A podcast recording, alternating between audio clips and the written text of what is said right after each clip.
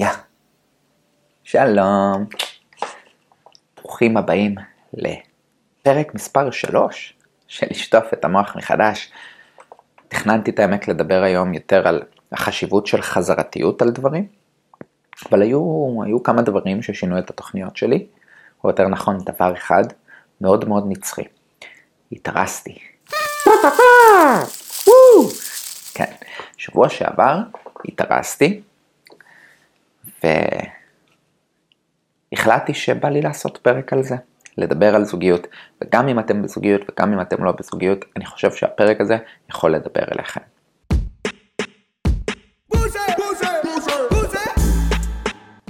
אני שנתיים וחצי כבר עם חברה שלי, שהיא בעצם עכשיו התפתחה לארוסתי כמו פוקימון, התחילה בתור uh, מכרה, ואז התפתחה לחברה, ומשם התפתחה לארוסתי, ואז תתפתח לאשתי, יש עוד המון עתיד יפה לפנינו. זה היה יום מאוד מרגש. תכננתי אותו איזה חודש, חודשיים, אתם יודעים, עד שמוצאים את הטבעת, עד שחושבים איך לעשות את זה ומוצאים את הרגע המושלם, אבל זה סוף סוף קרה. ואת האמת ש... הנה סממן מבחינתי לזוגיות טובה, כשהטבעת באה בהפתעה מבחינת התזמון, אבל לא באמת הפתעה. כלומר, כבר היה לנו שיח על זה, כבר דיברנו על זה פתוח, כבר ידענו שאנחנו רוצים להתחתן והתחלנו לדבר על העתיד, ולא מחכים להצעה כדי לדעת שזה זה. כי בינינו, הנישואים עצמם זה טקס, זה, זה משהו שעוזר לנו להתחייב ונותן לנו את הריגוש, אבל הוא לא באמת משנה שום דבר. מה שמשנה זה ההחלטה שאנחנו לוקחים, שאנחנו רוצים להשקיע את עצמנו בתוך מערכת היחסים הזו. הרי אנחנו לא מתחייבים להתחתן כי אנחנו אומרים אוקיי, עכשיו טוב לי ואני יודע שזה תמיד יישאר אותו הדבר. אנחנו לא באמת מצפים ששני אנשים יישארו בול אותו הדבר והדינמיקה תישאר בול אותו הדבר במשך כל החיים. נכון? זה יהיה גם קצת משעמם, אנחנו מתפתחים, אנחנו משתנים. אבל אנחנו כן מגיעים להחלטה שאני רואה איך אנחנו עובדים ביחד, אני רואה מה הערכים שאנחנו מכניסים למערכת יחסים שלנו, ועל מה אנחנו מסכימים מבחינת ערכים, ועם זה אני אומר, עם העקרונות האלה אנחנו יכולים לבנות משהו שיחזיק חיים שלמים.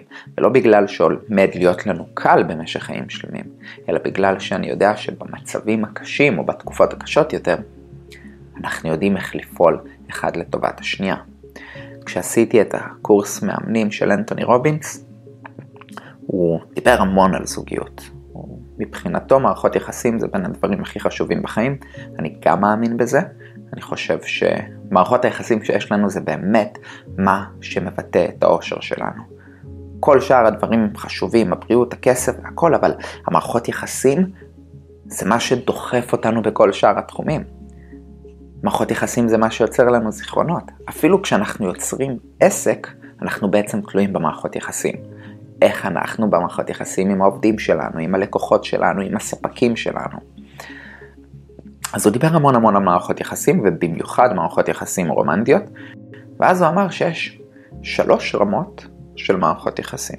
ברמה הראשונה, אני דואג לצרכים שלי, ובגלל זה אני במערכת יחסים, כי מערכת היחסים עונה על הצרכים שלי.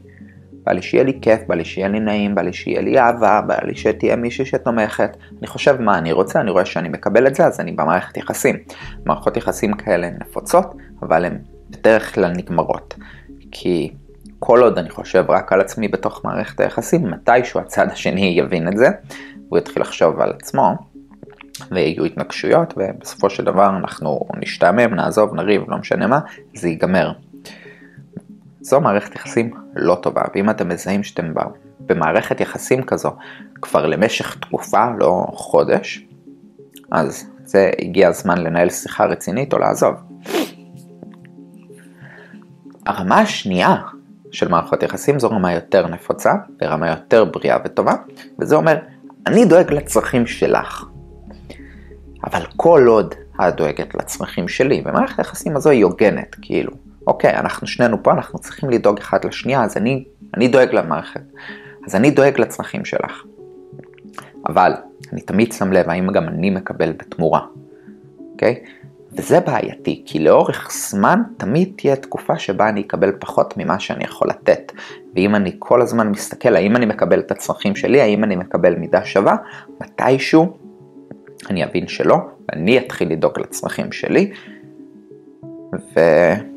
ובעצם אני ארד, סוג של ירד לרמה הראשונה של מערכת היחסים, וזה יכול להוביל לסוף של מערכת היחסים.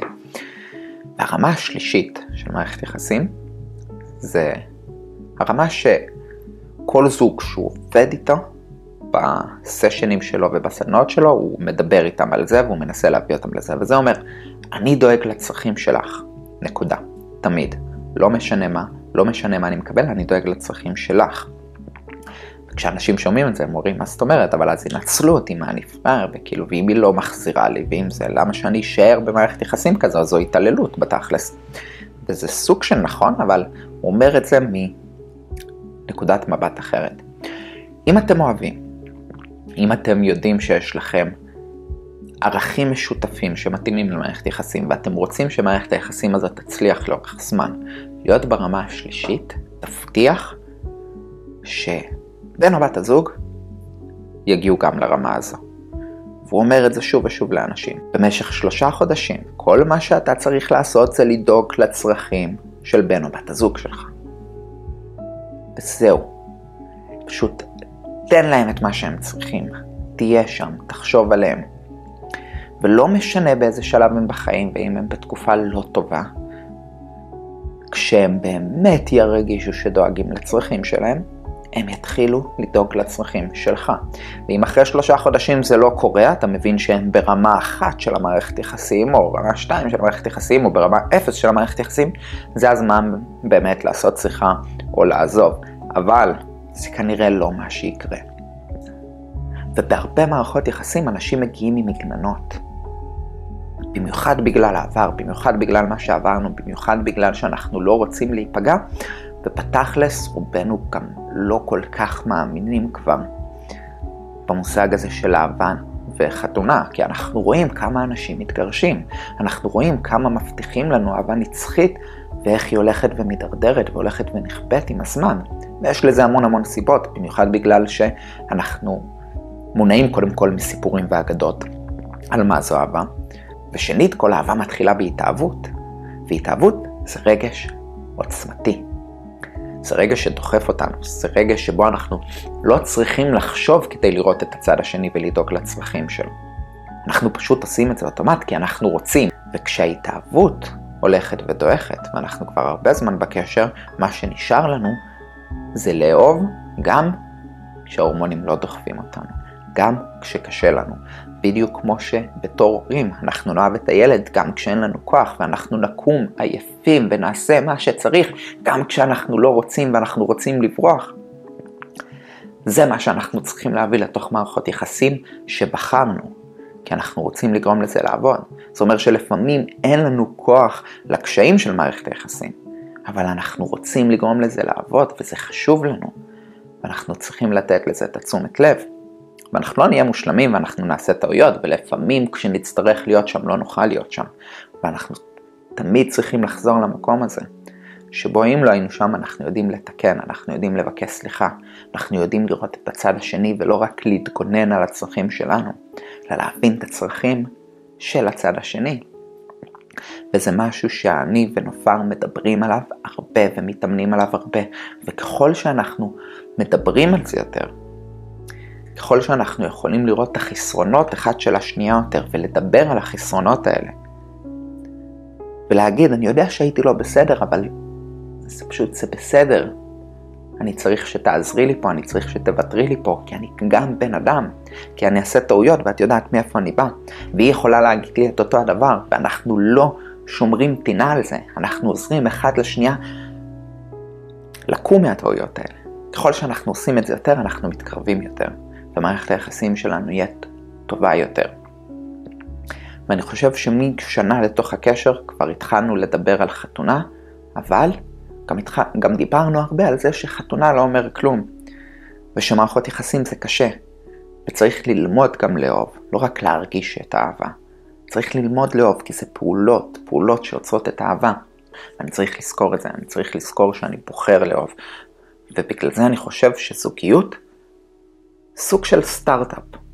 כש, כשניהלתי סטארט-אפ זה, זה היה לי בראש, ראיתי כל צעד שעברנו בתור חברה, אמרתי בואנה זה אני אקח כל כך הרבה דברים לתוך הזוגיות שלי בעתיד.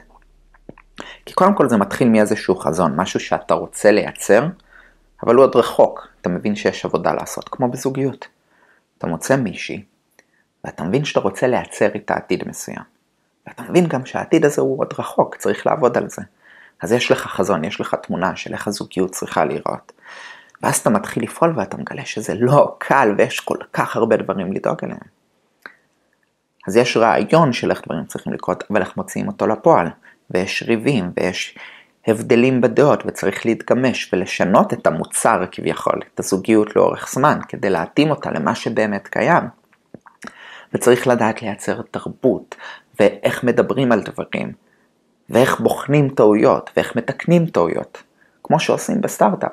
אני מוציא גרסה חדשה לאפליקציה שיצרנו, ואני מבין שהולך להיות באגים, ואני מבין שהולך, שאני הולך לגלות טעויות, ואני מבין שאני אצטרך להשקיף אחורה על תהליך העבודה שלי ולהבין מה אני עושה לא טוב, או איך אנחנו צריכים לתקשר לא טוב.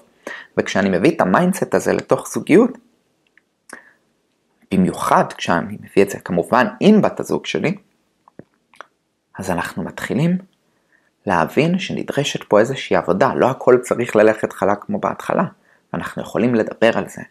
ואז אנחנו יכולים לריב ולצאת מפרופורציות בתוך הריב, להירגע ולהגיד אוקיי, ריב אנחנו מבינים, בסערת רגשות אומרים דברים שלא מתכוונים אליהם, הגוף שלנו שוטף אותנו ברגשות, זה גורם לנו בכלל לא להתמקד, אנחנו לא זוכרים לפעמים אפילו על מה רבנו, אנחנו רבים לשם הריב, לשם פורקן האנרגיה שנוצרה בנו בגלל הרגשות, אז בואי נשכח רגע מהריב, אבל נדבר על מה שאנחנו יכולים לקחת ממנו.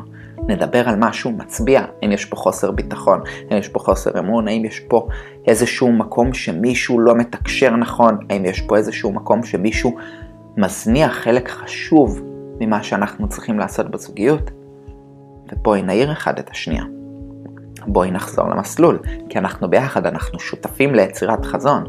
בואי נסתכל עוד פעם על החזון שאנחנו רוצים. ואם אין שיח כזה, על החזון, על הזוגיות שאנחנו רוצים, ושני הצדדים רק מונעים מרגשות, ממה שהם מרגישים באותו רגע ובתוך הריב, וב... ואחרי הריב, איך הם מרגישים לגבי זה, אז אנחנו תמיד נהיה אחד נגד השנייה. יש איזו הרצאה של ג'ורדן פיטרסון שאני ממש אוהב, שהוא אומר, אתה לא רוצה לנצח בוויכוח נגד חברה שלך, כי נכון, לנצח זה נותן לך הרגשה טובה, אבל אחרי הניצחון, מה נשאר? אתה רוצה בת זוג שהיא מובסת? שהיא מרגישה שהיא הפסידה? אתם ביחד, אתה לא רוצה לנצח, אתה רוצה לעזור לה לנצח. אתה רוצה שהיא תבין יותר טוב מה היא מנסה לתקשר לך, ואתה רוצה לתמוך בזה, ואז גם היא תעשה את זה בשבילך. אתם מבינים? זה אומר לדאוג לצרכים אחד של השנייה, שאני רואה שחברה שלי מתנהגת בצורה מסוימת, גם אם היא מפריעה לי, להבין ש... יושב שם משהו שהיא מנסה לתקשר משהו שאולי גם היא לא יודעת מהו. ואני לא יכול להיות נגדה ולהגיד לה לא, אני לא עשיתי את זה ולמה את ככה. צריך להבין שיש פה איזשהו כאב ולעזור לה להרגיש בנוח עם לתקשר את זה. יכול להגיד לה, שמי, אני מרגישה קצת לחוצה, זה לא נעים, אני יכול להתפרץ ואז להגיד לה, אני מצטער, אני מתפרץ, אני פשוט במגננה, בואי ניקח מנוחה ונדבר על זה עוד מעט. אבל, אני תמיד צריך להיות במצב שאני אומר, אני לא רוצה לצאת מנצח. אני רוצה שנבין טוב יותר מה שנינו צריכים. וה mindset הזה, אני חושב ש mindset זה הדבר הכי חשוב לכל דבר בחיים שלנו, כי זה הפילוסופיה שלנו, הדרך שבה אנחנו ניגשים למה שאנחנו רוצים בחיים. כי החיים הם לא צפויים, יש אי ודאות בהכל. ובלי פילוסופיה, אנחנו פשוט תמיד נלך עם הזרם, והזרם זה הרגשות שמונעים הרבה פעמים מפחד ומחרדה ומהעבר, ואז אנחנו חוזרים על טעויות, ואז אנחנו מתוסכלים ואנחנו מרגישים שבכלל אין לנו שליטה על החיים. ופילוסופיה נותנת לנו איזושהי שליטה. ה mindset שלנו נותן לנו איזושהי שליטה, איזשהו center לחזור אליו. וגם בזוגיות אנחנו צריכים את ה center הזה. איך אנחנו רוצים לתקשר, איך אנחנו רוצים לדאוג לצרכים אחד של השנייה, איך אנחנו רוצים להכיל. ואם להיות בזוגיות, זה להיות מהמקום הזה. נכון, יש צרכים שאני מקבל מהזוגיות, שהם האינטרס האישי שלי, אבל כדי שזה יעבוד, כדי שאני אקבל את כל העולם שלה, את כל העולם העשיר שלה, את כל האהבה, את כל הדברים שאני באמת רוצה לקבל, אני חייב לראות אותה, אני חייב לראות את הצרכים שלה, ואנחנו חייבים תמיד לחזק את המסר הזה. אני דואג לצרכים שלך, את דואגת לצרכים שלי. אני שומר על הגב שלך, את שומרת על הגב שלי. אז אני מאחל לכם אהבה, ולא בהכרח אהבה זוגית, אלא פשוט אהבה, אהבה לאנשים שסביבכם, אהבה למערכות יחסים, ואהבה לעצמכם. הרבה פעמים אנחנו לומדים לאהוב את עצמנו כשאנחנו לומדים לאהוב אחרים. אבל באמת לאהוב, לא מתוך צורך שיאהבו אותנו, אלא מתוך צורך לאהוב, מתוך הרצון שלנו לתת לאנשים תחושה טובה. תחושה שהם חשובים, שהם אהובים. אז אני מאחל לכם את זה. אני הייתי איתן, אתם הייתם גדולים, מזל טוב לי, ומקווה שאתם נהנתם לשטוף את המוח מחדש.